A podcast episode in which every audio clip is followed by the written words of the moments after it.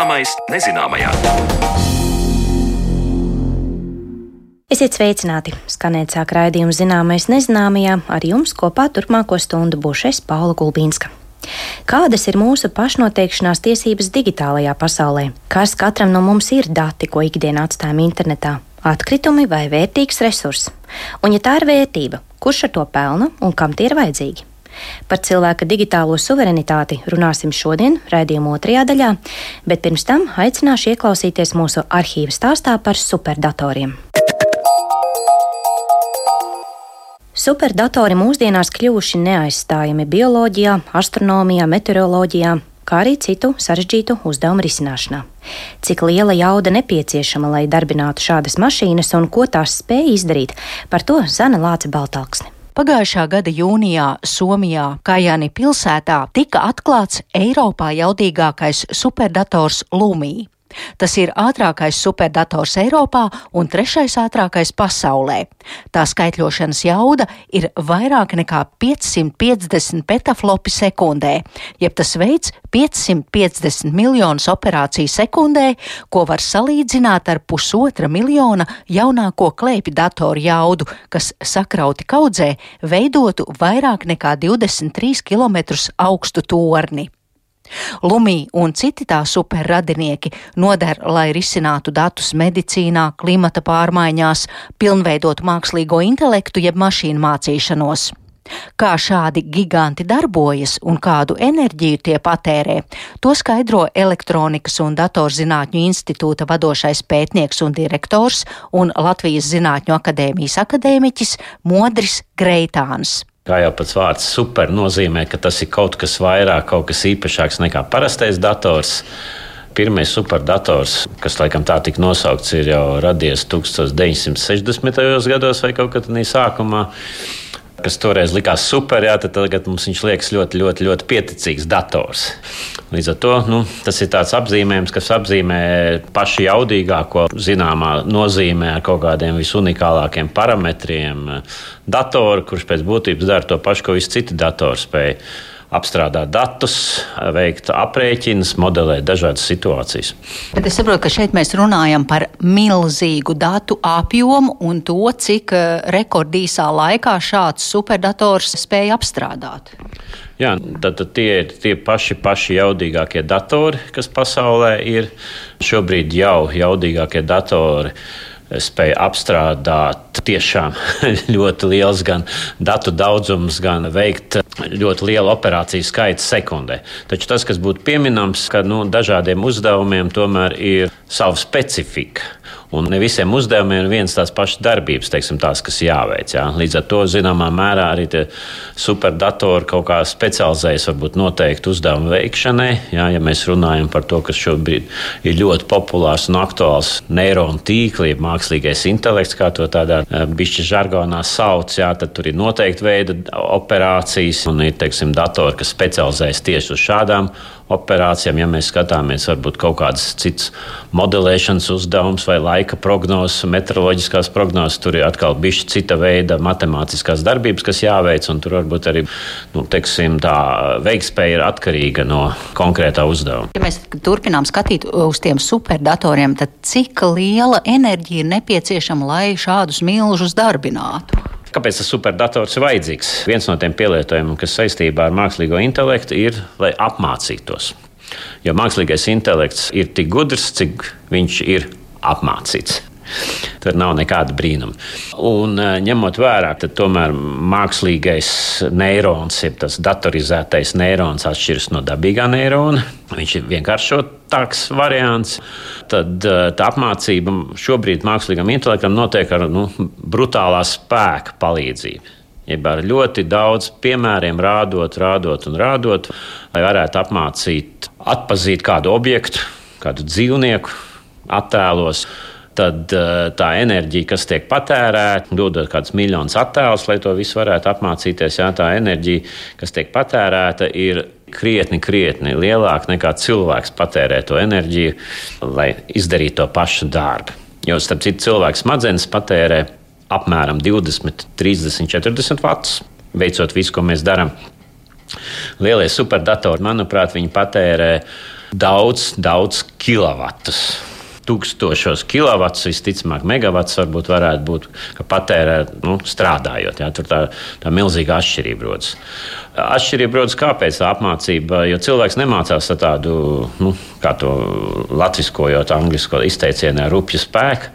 Brutāla spēka palīdzība, piemēriņa pa piemēram, jo cilvēks mācoties jaunas lietas, viņš pirmkārt spēj izmantot visas savas iepriekšējās priekšzināšanas, Ja, ja mēs esam uz kaut ko apmācījušies, kaut vai esam apmācījušies atzīt kaut kādus objektus, un tagad gribam iemācīties vadīt automašīnu, mēs tomēr to jau izmantojam. Mēs nesākam pilnīgi no nulles to apmācības procesu. Nu, tomēr tie superdatori tiek radīti tikai nu, tāpēc, lai ar šo milzīgo visu informāciju, kas šajos datoros, ko cilvēks ir salicis iekšā, lai palīdzētu vai medicīnā, vai militārā jomā, vai klimata prognozēs. Jā, nu, protams, superdatori nav tikai lai apmācītu mākslīgos intelektus, un attiecīgi tur varētu tad, eh, risināt kaut kādas mākslīgā intelekta palīdzību uzdevumus. Cita lieta, kas ir vēsturiski visvairāk prasījusi, ir modelēt sarežģītus procesus, kā piemēram tās ir klimatiskās prognozes, laika prognozes, jā, jo tur ir ļoti daudz parametru kuriem ir atkarīgs, kā tas viss attīstīsies tālāk un veidosies šie laika apstākļi. Tie ir pētījumi fizikā saistībā teiksim, ar kaut kādiem kodolsprādzieniem vai citām lietām, kur arī modelē, kā tas viss process attīstīsies, kā tas viss process notiks. Tā kā tie superdatori nav jau tikai mākslīgais intelekts, bet nu, ir tāda ļoti sarežģīta procesa modelēšana arī. Ja mēs vēl skatāmies uz tām līdzībām, šeit pat uz galda ir priekšā parasts dators tas informācijas apjoms superdatorā un šādā datorā? Jā, arī personālajie datori, protams, būtiski mēdz atšķirties, un arī superdatori visi nav vienādi. Jā.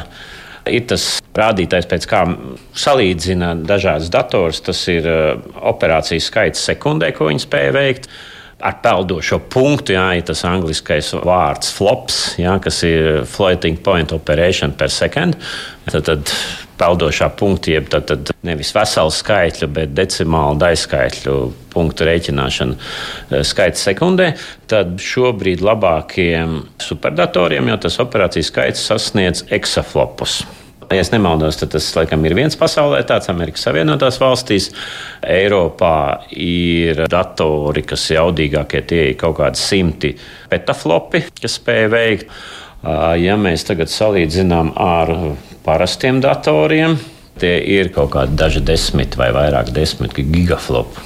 Nu, tu jau pie miljonas reizēm mazāk jaudīgi nekā varbūt jaudīgākie superdatori.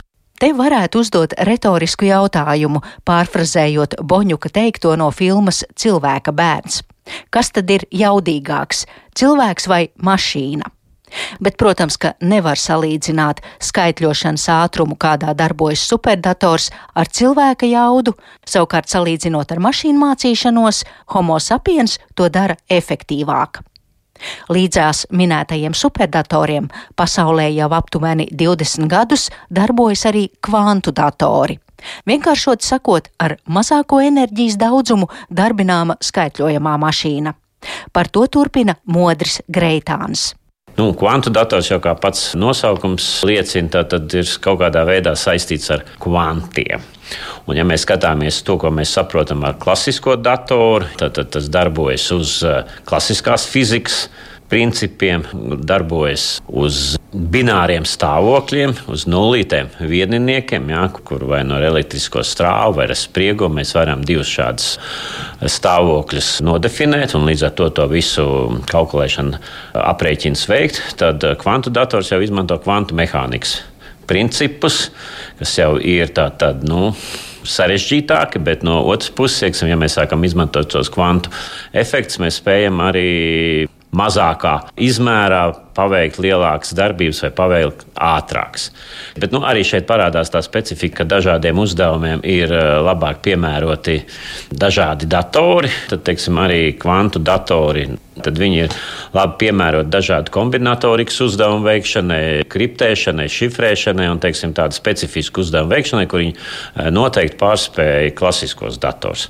Savukārt ir atkal citi uzdevumi, varbūt, kas nav kvantu datoriem tik ļoti piemēroti, un tur atkal klasiski klasiskie datori šobrīd strādā labāk. Tā starpība starp to, cik superdators vai kvantu dators spēj ātri paveikt uzdevumu, tas atkarīgs no tā paša uzdevuma. Jo šeit, ja mēs tā atkal pieskaramies pie tiem pašiem datoriem, Mēs arī tādu nu, dators, dators, bet arī parastajiem vai tradicionāliem datoriem ir dažāda veida procesori, kuri orientēti uz noteiktu darbību veikšanu. Ja, ir parastais centrālais CPU, kā angļuiski to saka, centrāla processing unit, kas ir paredzēts universālām darbību veikšanām. Bet tajā pašā laikā, ja mēs skatāmies tos pašus neironu tīklus, kad tiek apmācīti, jā, tad tiek izmantot grafiskie procesori, kuri tātad ir orientēti uz noteiktu veidu, teiksim, reizināšanu un noteiktu veidu darbībām, uz ko viņš ir specializēts. Un, ja mēs tā skatāmies varbūt uz to tālāko nākotni, jā, tā tad ir vairāk gadījumu pasaulē, kad tiek superdatori savienoti ar kvantu kvantu datoriem, jā, Somijā, kur ir viens no Eiropas jaudīgākiem superdatoriem. Arī viņi ir apvienojuši to ar kvantu datoru, ar domu, jā, ka atkarībā no tā uzdevuma tad, tad novirzīt noteikts daļas, kas tiek risināts uz kvantu datoru, citas daļas tiek risināts uz tradicionālā datora. Nu, tā rezultātā katrs teikt, risina savu daļu vai savu uzdevumu. Jā, nu, tas ir līdzīgi. Es gribu teikt, tas ir līdzīgi kā cilvēkiem. Katram cilvēkam mums ir savas spēcīgās puses, ko mēs labāk darām, un vislabāk kaut kādu uzdevumu ir risināt komandā. Tā arī šeit, teiksim, ja ir kaut kāds komplekss uzdevums, kurš sastāv no dažādiem apakšu uzdevumiem, kuram katram ir savādāks raksturs, tad, protams, vislabākais tur jau ir apvienot gan kvantu datoru, gan arī dažādas teiksim, grafisko procesoru, tenzoru procesoru rēķināšanu, tipisko teiksim, procesoru, kas ir universāls dažādu darbību veikšanai. Bet mēs atkal runājam par milzīgu telpu un milzīgu enerģijas patēriņu, lai šīs jaudīgās mašīnas darbinātu. Jā, protams, tas eh, enerģijas patēriņš varbūt tā problēma līdz zināmam laikam nelikās tāda ļoti aktuāla.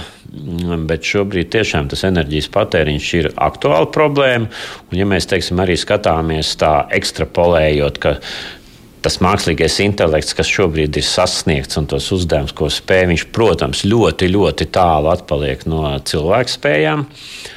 Bet patērē pietiekami daudz enerģijas. Lai pasaulē pietiktu enerģijas, lai varētu radīt tik jaudīgu mākslīgo intelektu, izmantojot šobrīd pieejamos algoritmus vai zināmos, kurš spētu teiksim, darboties tik gudri kā cilvēks. Vai tam vispār pietiktu enerģijas? Bet jāsaka, atkal ir tā, ka, jā, protams, ir dažādi paņēmieni un visi jaunie superdatori kļūst arvien zaļāki un zaļāki, paliek arvien enerģijas patēriņa ekonomiskāk izlietojoši. Tur tad arī zinātnieki pie tā strādā, lai risinātu šo problēmu. Tik tālu par superdatoriem, bet par mūsu digitālo suverenitāti, jeb to, kur un kā aizceļo mūsu dati, saruna pēc brīža.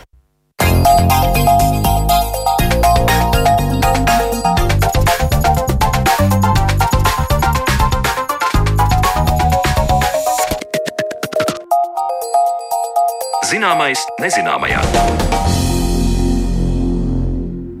Apziņa, ka kādam svešam ir mūsu mājas atslēgas vai pinkots maksājuma kartē, ir ļoti satraucoša un nepatīkama. Taču vai tikpat piesardzīgi esam ar saviem datiem virtuālajā vidē?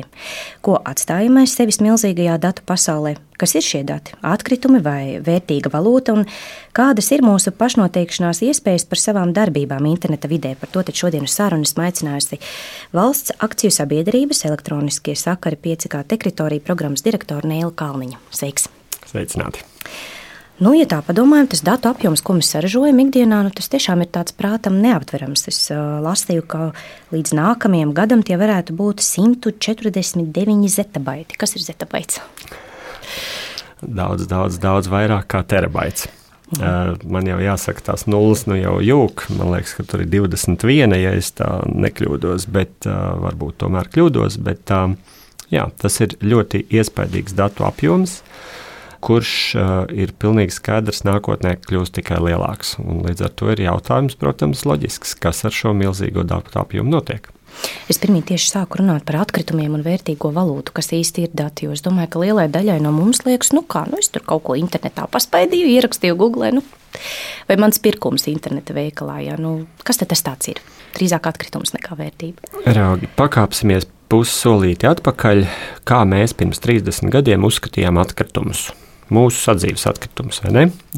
tā bija kaut kāda briesmīga lieta, ko mēs mēģinājām aprakt dziļi zemē, taisījām speciālus poligonus un, un, un pārdzīvojām par to, ka tie poligoni kļūst ar vien lielāki un domājām, kā cilvēki var uh, sadzīves atkritumus radīt mazāk.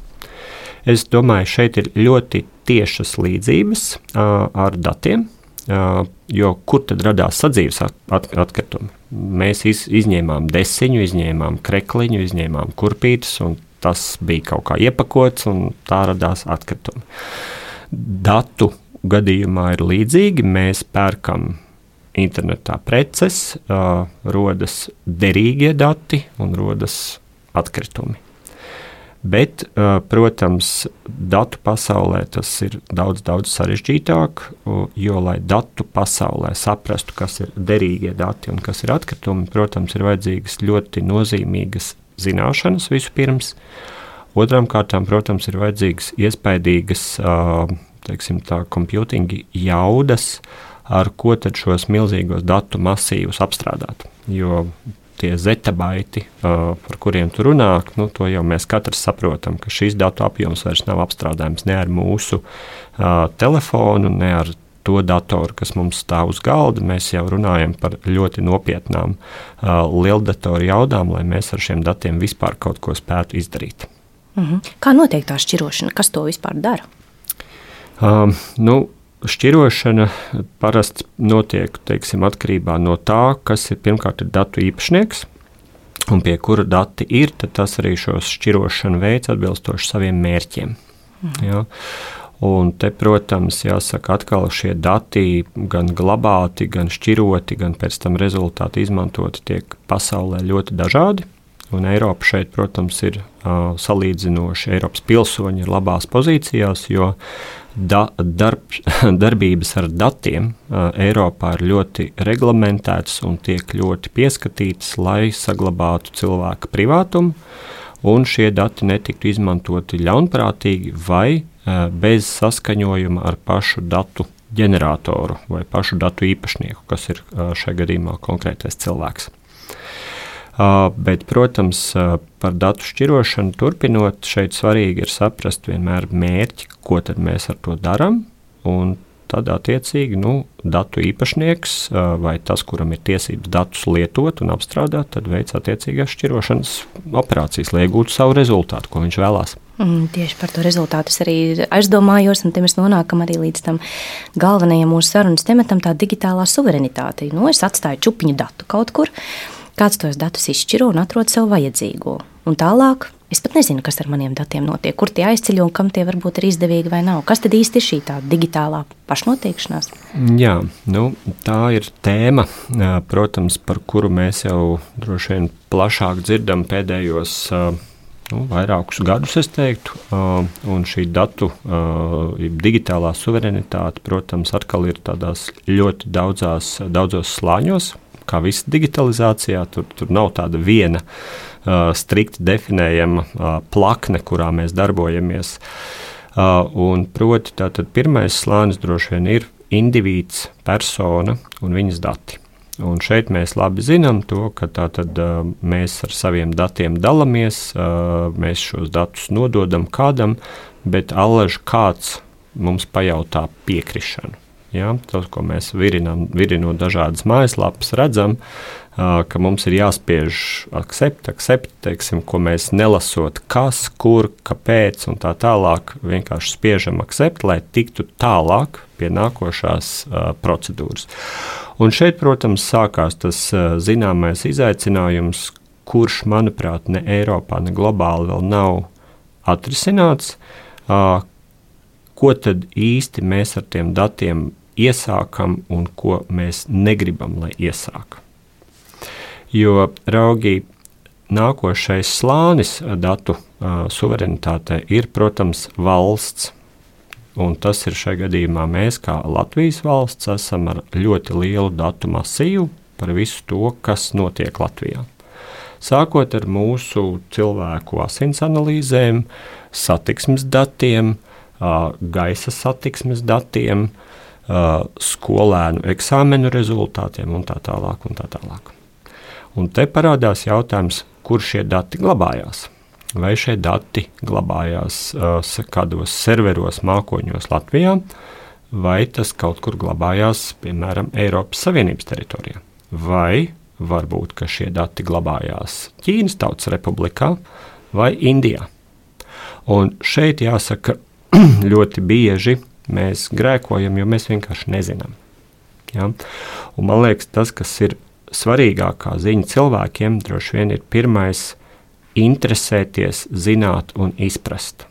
Jo tad, kad tu zini, saproti, izproti, vai vismaz centies to darīt, tad arī visas pārējās, arī eventuālās problēmas būs mazākas un pārvaldāmākas.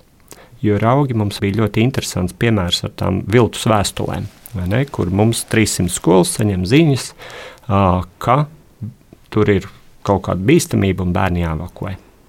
Kas tas ir? Tas ir īstenībā darbs ar datiem. Kāds kaut kur ir dabūjis šīs 300 e-pastus, viņš viņus ir konsolidējis, viņš ir sagatavojis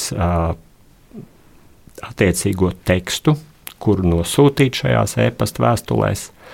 Un jautājums īstenībā ir daudz nopietnāks. Kas bija iemesls, kāpēc šādas vēstules 300 tika izsūtītas?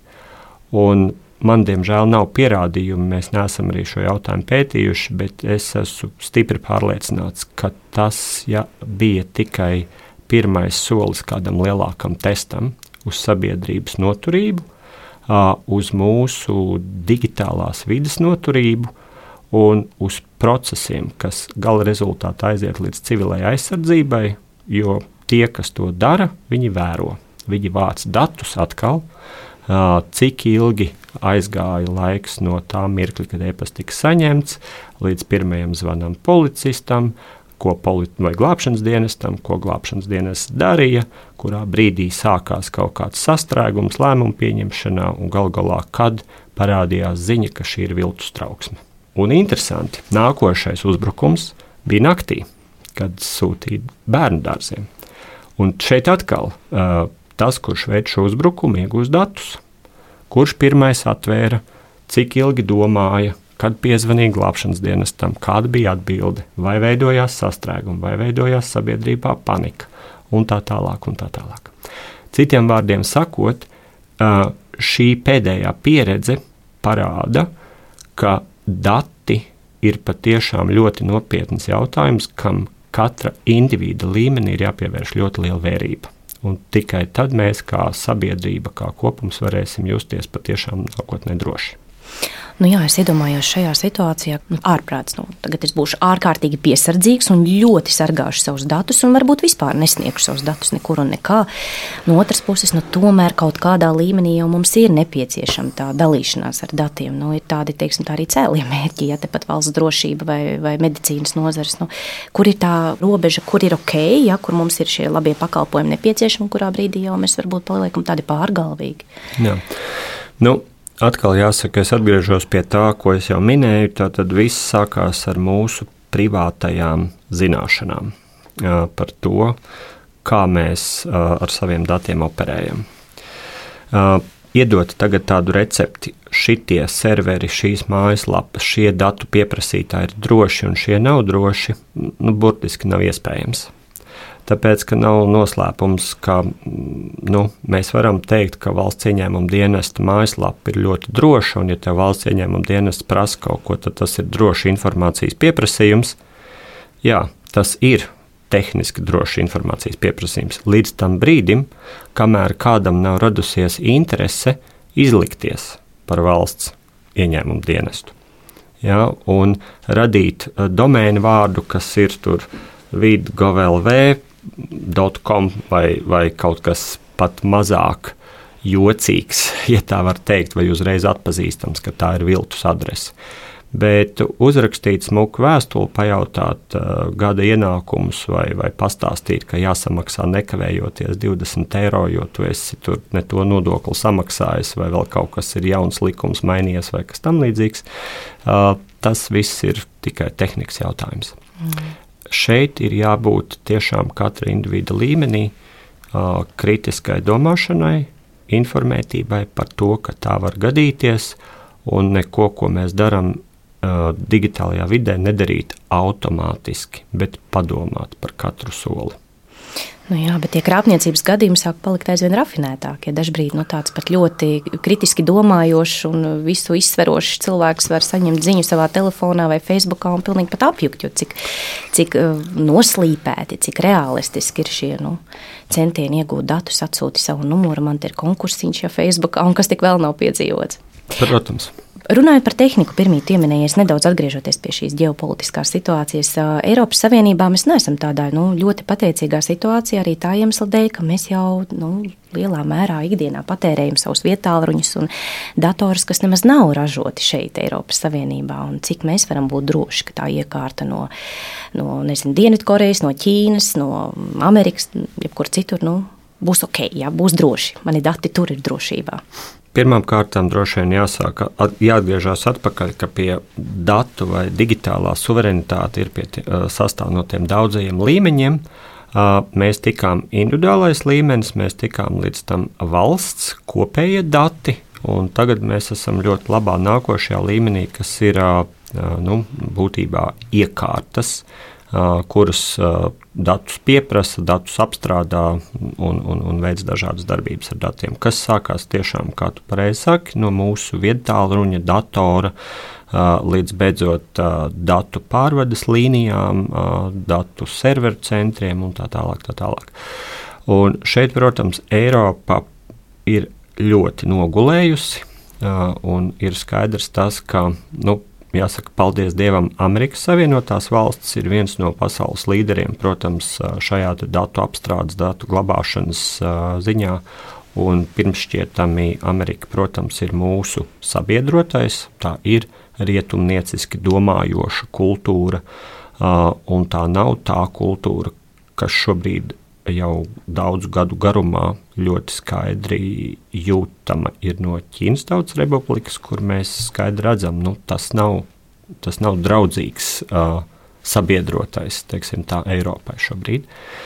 Uh, bet, nu, kas nogulēts, tas nogulēts. Nu, šobrīd, acīm redzot, ir pirmkārt jāapzinās tie trūkumi, kas ir Eiropai šajā sakarā. Uh, un soli pa solim jāveido būtībā sava suverenitāte, savi datu centri, datu centri, kurus mēs spējam pilnvērtīgi kontrolēt. Tas nozīmē ne tikai tehnoloģiski, bet arī no likumdošanas viedokļa, un tam ir jāiet sazobē roku rokā.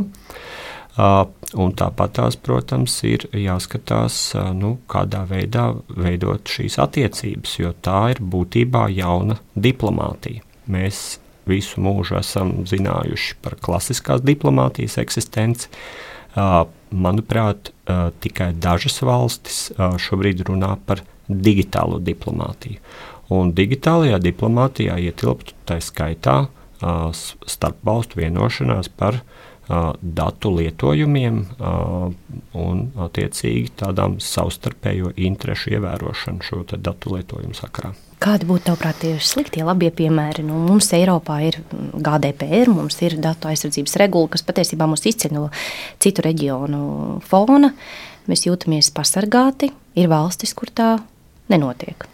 Jā, Nu, ir, ir nu, Ķīnas Tautas Republika, kur visi dati iet vienā lielā katlā, un katram cilvēkam ir viņa sociālais numurs un sociālais reitings. Un, attiecīgi, ja tu slikti uzvedies vai kritizē valdību, tad tu par maizi maksās dārgāk.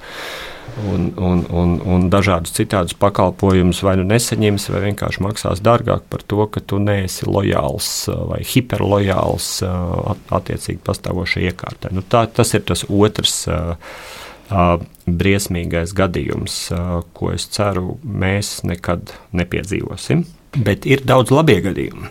nu, varbūt mums uz tiem labajiem gadījumiem droši vien ir, ir, ir jāfokusējās vairāk, jo redzi, dati ir ne tikai nozogami, bet dati, protams, arī ir labā veidā izmantojami. Un šeit bez šaubām ir, protams, nu, piemēram, veselība.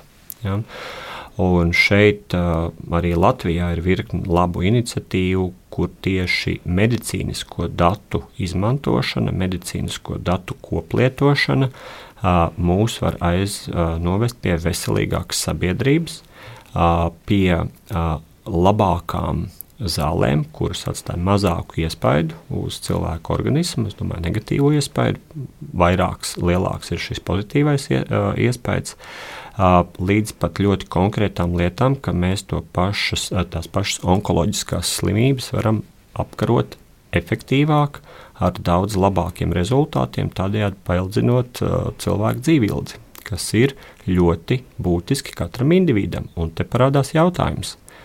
Tātad, vai es ļoti gribēšu sargāt savus datus un ne ar vienu nedalīties ar šiem datiem, ja es zināšu, ka dalīšanās ar maniem datiem var palīdzēt vai nu man pašam, vai maniem radiniekiem, maniem līdzcilvēkiem jā, iegūt labākus medicīniskos pakalpojumus. Vai, vai labākus no izglītības pakalpojumus, vai kaut kādas citādas uh, lietas, kuras var iegūt no gudras Eh, viedas datu lietošanas. Nu, tā ir veselība, tā ir medicīna. Nu, protams, es domāju, daudzi cilvēki tur teiks, nu, jā, nu, protams, tie dati ir vajadzīgi mums pašiem un tiešām var nākotnē ļoti palīdzēt.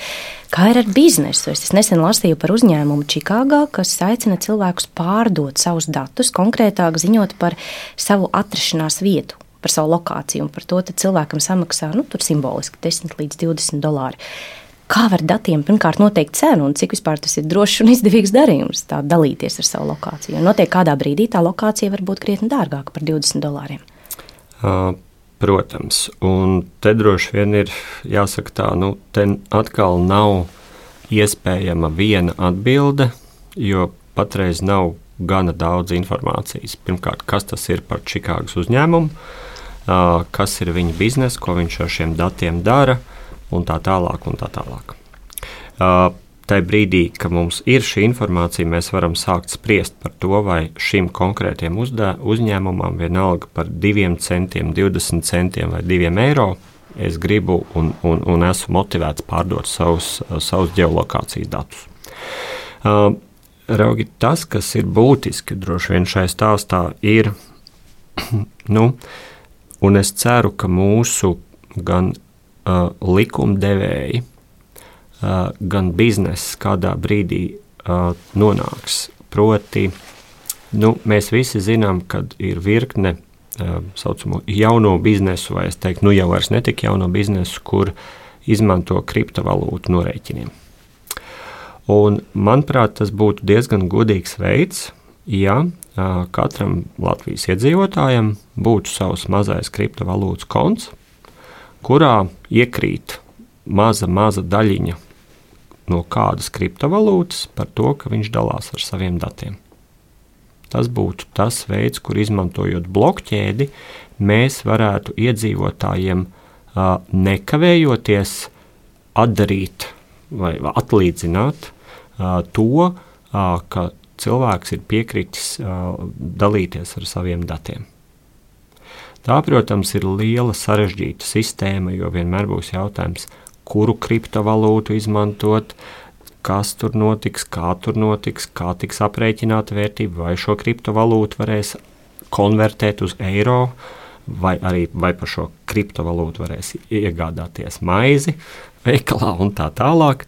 Uh, protams, tie visi ir uh, jāsaka, tā struktūrējami un atbildami jautājumi, bet tas būtu pret sabiedrību godīgi. Ja sabiedrības konkrētais indivīds dalās ar saviem datiem, viņš par to saņem nelielu, bet atlīdzību. Bet saņem šo atlīdzību par katru reizi, kad viņš attiecīgi ar saviem datiem dalās. Jo pretējā gadījumā veidojās nu, tāda soc, milzīga sociālā nevienlīdzība, un jāsaka, ka digitālās pasaules attīstība šo ir tikai veicinājusi, jo nu, mums ir skaidrs, ka šobrīd uh, kompānija Google, Microsoft, Apple, nu, kas ir visiem zināmie lielākie digitālās pasaules milži, uh, Viņiem apkārt ir vēl daži simti, nevar būt ne tik lieli, bet joprojām milzīgi ja mēra, piemēram, pret Latvijas budžetu vai, vai Latvijas IKP. Uh, raugi, uh, šīs kompānijas būtībā savu bagātību ir izveidojušas gudri strādājot ar cilvēku datiem, kas nav jau slikti. Tā jau vajadzētu darīt visiem.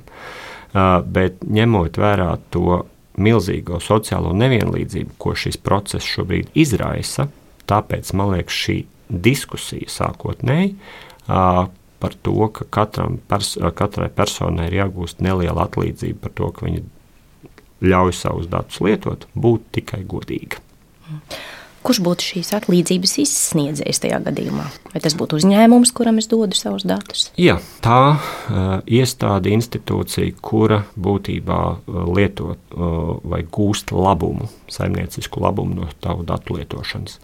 Teiksim, no nu atkal, ja tu pieregistrējies nezinu, kādā augstskolā un, un, un dalies ar saviem datiem uh, ar augstskolu vai, vai ar savu uh, nezinu, pašvaldība, tad, protams, tas būtu viens cits gadījums. Tā ir būtībā nu, sociāla, sabiedriska funkcija, un tur, man liekas, šim norēķinam nebūtu jābūt. Bet brīdī, kur tev Google vai kāds cits, teiksim tā, multi pasākumu piedāvātājs piedāvā jaunu pakalpojumu un pie reizes aicina tevi dalīties ar taviem datiem, tas būtu godīgi, kad par to tu saņem nelielu atlīdzību. Es domāju, ka daudziem klausītājiem šķiet, nu, kuri dati tad ir droši dodami, ja kurus datus man vajadzētu pasargāt pie sevis, tā teikt, turēt un, un nedot tālāk, un ar kuriem tad es varu droši dalīties. Nu, skaidrs, medicīna, labi, tās ir medicīnas iestādes. Jo tomēr vienmēr pastāv šis trešās personas risks, arī tajā ķēdītē kāds pieslēgsies klāt. Risku šeit ir ļoti daudz, un kā es dažreiz saku, viņus visus tā viegli nevar apzināt. Tāpēc atkal jāskatās pašam uz sevi, saviem datiem. Tātad pirmkārt, es nedalo, nedalos ar tiem datiem, kas padara mani ievainojamu. Nu, Nevelti mēs nedalāmies ar savām veselības vēsturēm, jo iespējams tur ir kaut kādi tādi dati, kas padara mani, nezinu, kompromitējumu kaut kādā veidā. Ja? Vai es nedalos ar savu bankas kontu parolēm, jo iespējams, ka tas manu kontu var ļoti ātri iztukšot. Ja?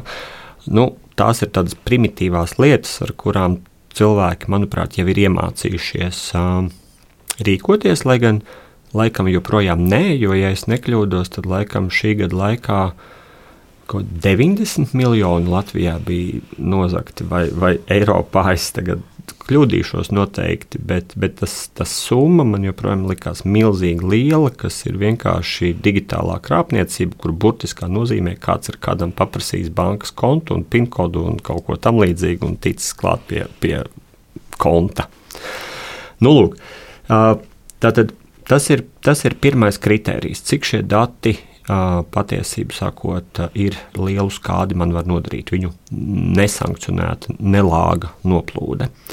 Nākošā lieta, ko droši vien pie šīs varētu piebilst, ir tas, ka nu, sabiedrībai savā starpā ir jāsadarbojās un jārunājās. Līdzīgi kā mēs to šodien darām šeit, radio, tāpat droši vien būtu noderīgi, ja piemēram pašvaldības ar saviem iedzīvotājiem runātu par digitālo drošību, datu drošību. Un tādējādi cilvēki varētu arī savstarpēji mainīties ar kvalitatīvu pieredzi. Jo tas, kas ir tā problēma šobrīd, cilvēki ļoti ātri savos sociālos tīklos dalās ar šo ziņu, skolas ir tur apdraudētas. Ja? Jautājums, cik bieži mēs dalāmies un cik bieži mēs lasām ziņas par gudru uh, darbošanos ar datiem vai kā sevi pasargāt digitālajā pasaulē. Droši vien nesalīdzināmi daudz reižu mazāk mēs uh, uh, teiksim, lasām vai pievēršam uzmanību vai dalāmies ar informāciju. Bet uh, nu, sabiedrībai ir jātrenē sevi, sava, jāsaka, tā veids, kā sevi pasargāt digitālajā pasaulē. Tas vienkārši ir jāsaprot un jādara. Šobrīd mēs jau netiekam galā, un cik daudz to krāpniecības gadījumu ir. Mēs te paralēli runājam par metaversu, par savu digitālo dvīni, kurš varbūt kādu dienu atbildēs manā vietā uz telefonu zvaniem. Nu, tās tehnoloģijas un nākotnes programmas jau iet uz priekšu. Mēs vēl aizvien kūņājamies pakaļ ar to, ka mēs šobrīd savus datus nevaram savākt prātam nu, tā grūti iztēloties, kāda riska varētu būt tad, ja mēs ar to pašreizējo domāšanu viegli prātīgi esam tomēr digitālajā vidē, vēl metaversā dzīvosim. Jā. Tā ir, un tāpēc, manuprāt, gan Latvijā, gan daudz kur citur šī digitālā pratība ļoti tiek uzsvērta. Un cilvēki tiek motivēti dažādos veidos apgūt saistītās zināšanas, jo tas ir tikpat svarīgi un nozīmīgi, tāpat kā tu nevari braukt ar mašīnu pa ceļu bez tiesībām, kur tu neesi izgājis zināmu procesu, nokārtojis eksāmenu, un tad tu drīkst braukt ar mašīnu. Es domāju, ka būs brīdis, kad šādas pašas digitālās pratības tiesības mums katram būs jānokārto, lai mēs nu, varētu kvalificēties kā atvainojos, jēdzīgs valsts pilsonis. Ja? Skatoties uz tādām nākotnes perspektīvēm, nu, es teikšu, daudz ko mēs domājam, kas būs īstenībā jau šodien. Mums katram ir savs digitālais dvīns, piedāvājam viņa vairākas kopijas. Eh, viena no viņām dzīvo Facebook, viena no viņām dzīvo Instagram, viena no viņām dzīvo Google un dažādos citos uh, plaši lietotajos serveros, uh, servisos. Un šīs kompānijas jau patiesību sakot, savu biznesu vada un attīstību veido balstoties uz informāciju, ko viņi iegūst no mūsu digitāliem dviņiem. Tātad viņi nepajautā visi tev personīgi, ko tu domā par šo zilo toni uh, konkrētajā fonā, vai, vai šo fontu izmēru, vai šo komerc piedāvājumu par LEGO klucīšiem. Bet viņi sasumē uh, tavām digitālajiem dvīnim līdzīgo digitālo dviņu datus, iegūst attiecīgos vidējos matemātiskos rezultātus, un uz šo rezultātu pamata veido nākošo piedāvājumu, kuru tu redzi savā sociālo tīklu kontā. Tātad, labdien, labdien, šis viss jau šodien ir mums apkārt. Jautājums drīzāk ir cits, kas vēl apkārt mums būs pēc pieciem gadiem, un šeit atbilde ir atkal tikai viena. Mīļie draugi, mācāmies, lasām, izglītojam sevi, savus apkārtējos, jo īpaši vecākā gadagājuma cilvēkus, lai viņiem šajā dzīvē, šajā pasaulē dzīvot ir vieglāk un drošāk.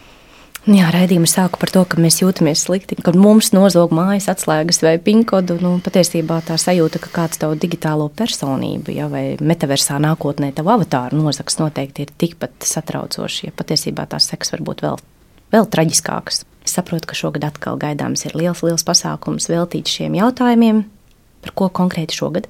Jā, viena no aktivitātēm, ko dara valsts akciju sabiedrība elektroniskie sakari, nu jau sesto gadu pēc kārtas organizē vienu no lielākajiem Eiropas uh, informāciju komunikāciju tehnoloģiju pasākumiem, 5G teritorija. Uh, pateicoties Latvijas uh, Investīciju un attīstības aģentūrai un citiem mūsu partneriem, gan Latvijā, gan ārpus tās. Mēs esam panākuši, ka šobrīd tā vairs nav tikai sarunas par 5G tehnoloģijām, bet mēs esam jau krietni plašāk, šobrīd plašākā tvērumā, gan par kvantu tehnoloģijām un kā kvantu tehnoloģijas nodrošinās drošus sakarus nākotnē. Uh, par mikroshēmām un kas Latvijai sakāms ir šajā nozarē, kas ir arī viena no digitālās nākotnes suverenitātes sastāvdaļām. Un šeit man jāsaka īpaši gribas paslavēt Rīgas Tehnisko universitāti un, un profesors, kas ir uzstādījuši vairākus uh, pasaules rekordus šogad datu pārraides ātruma ziņā.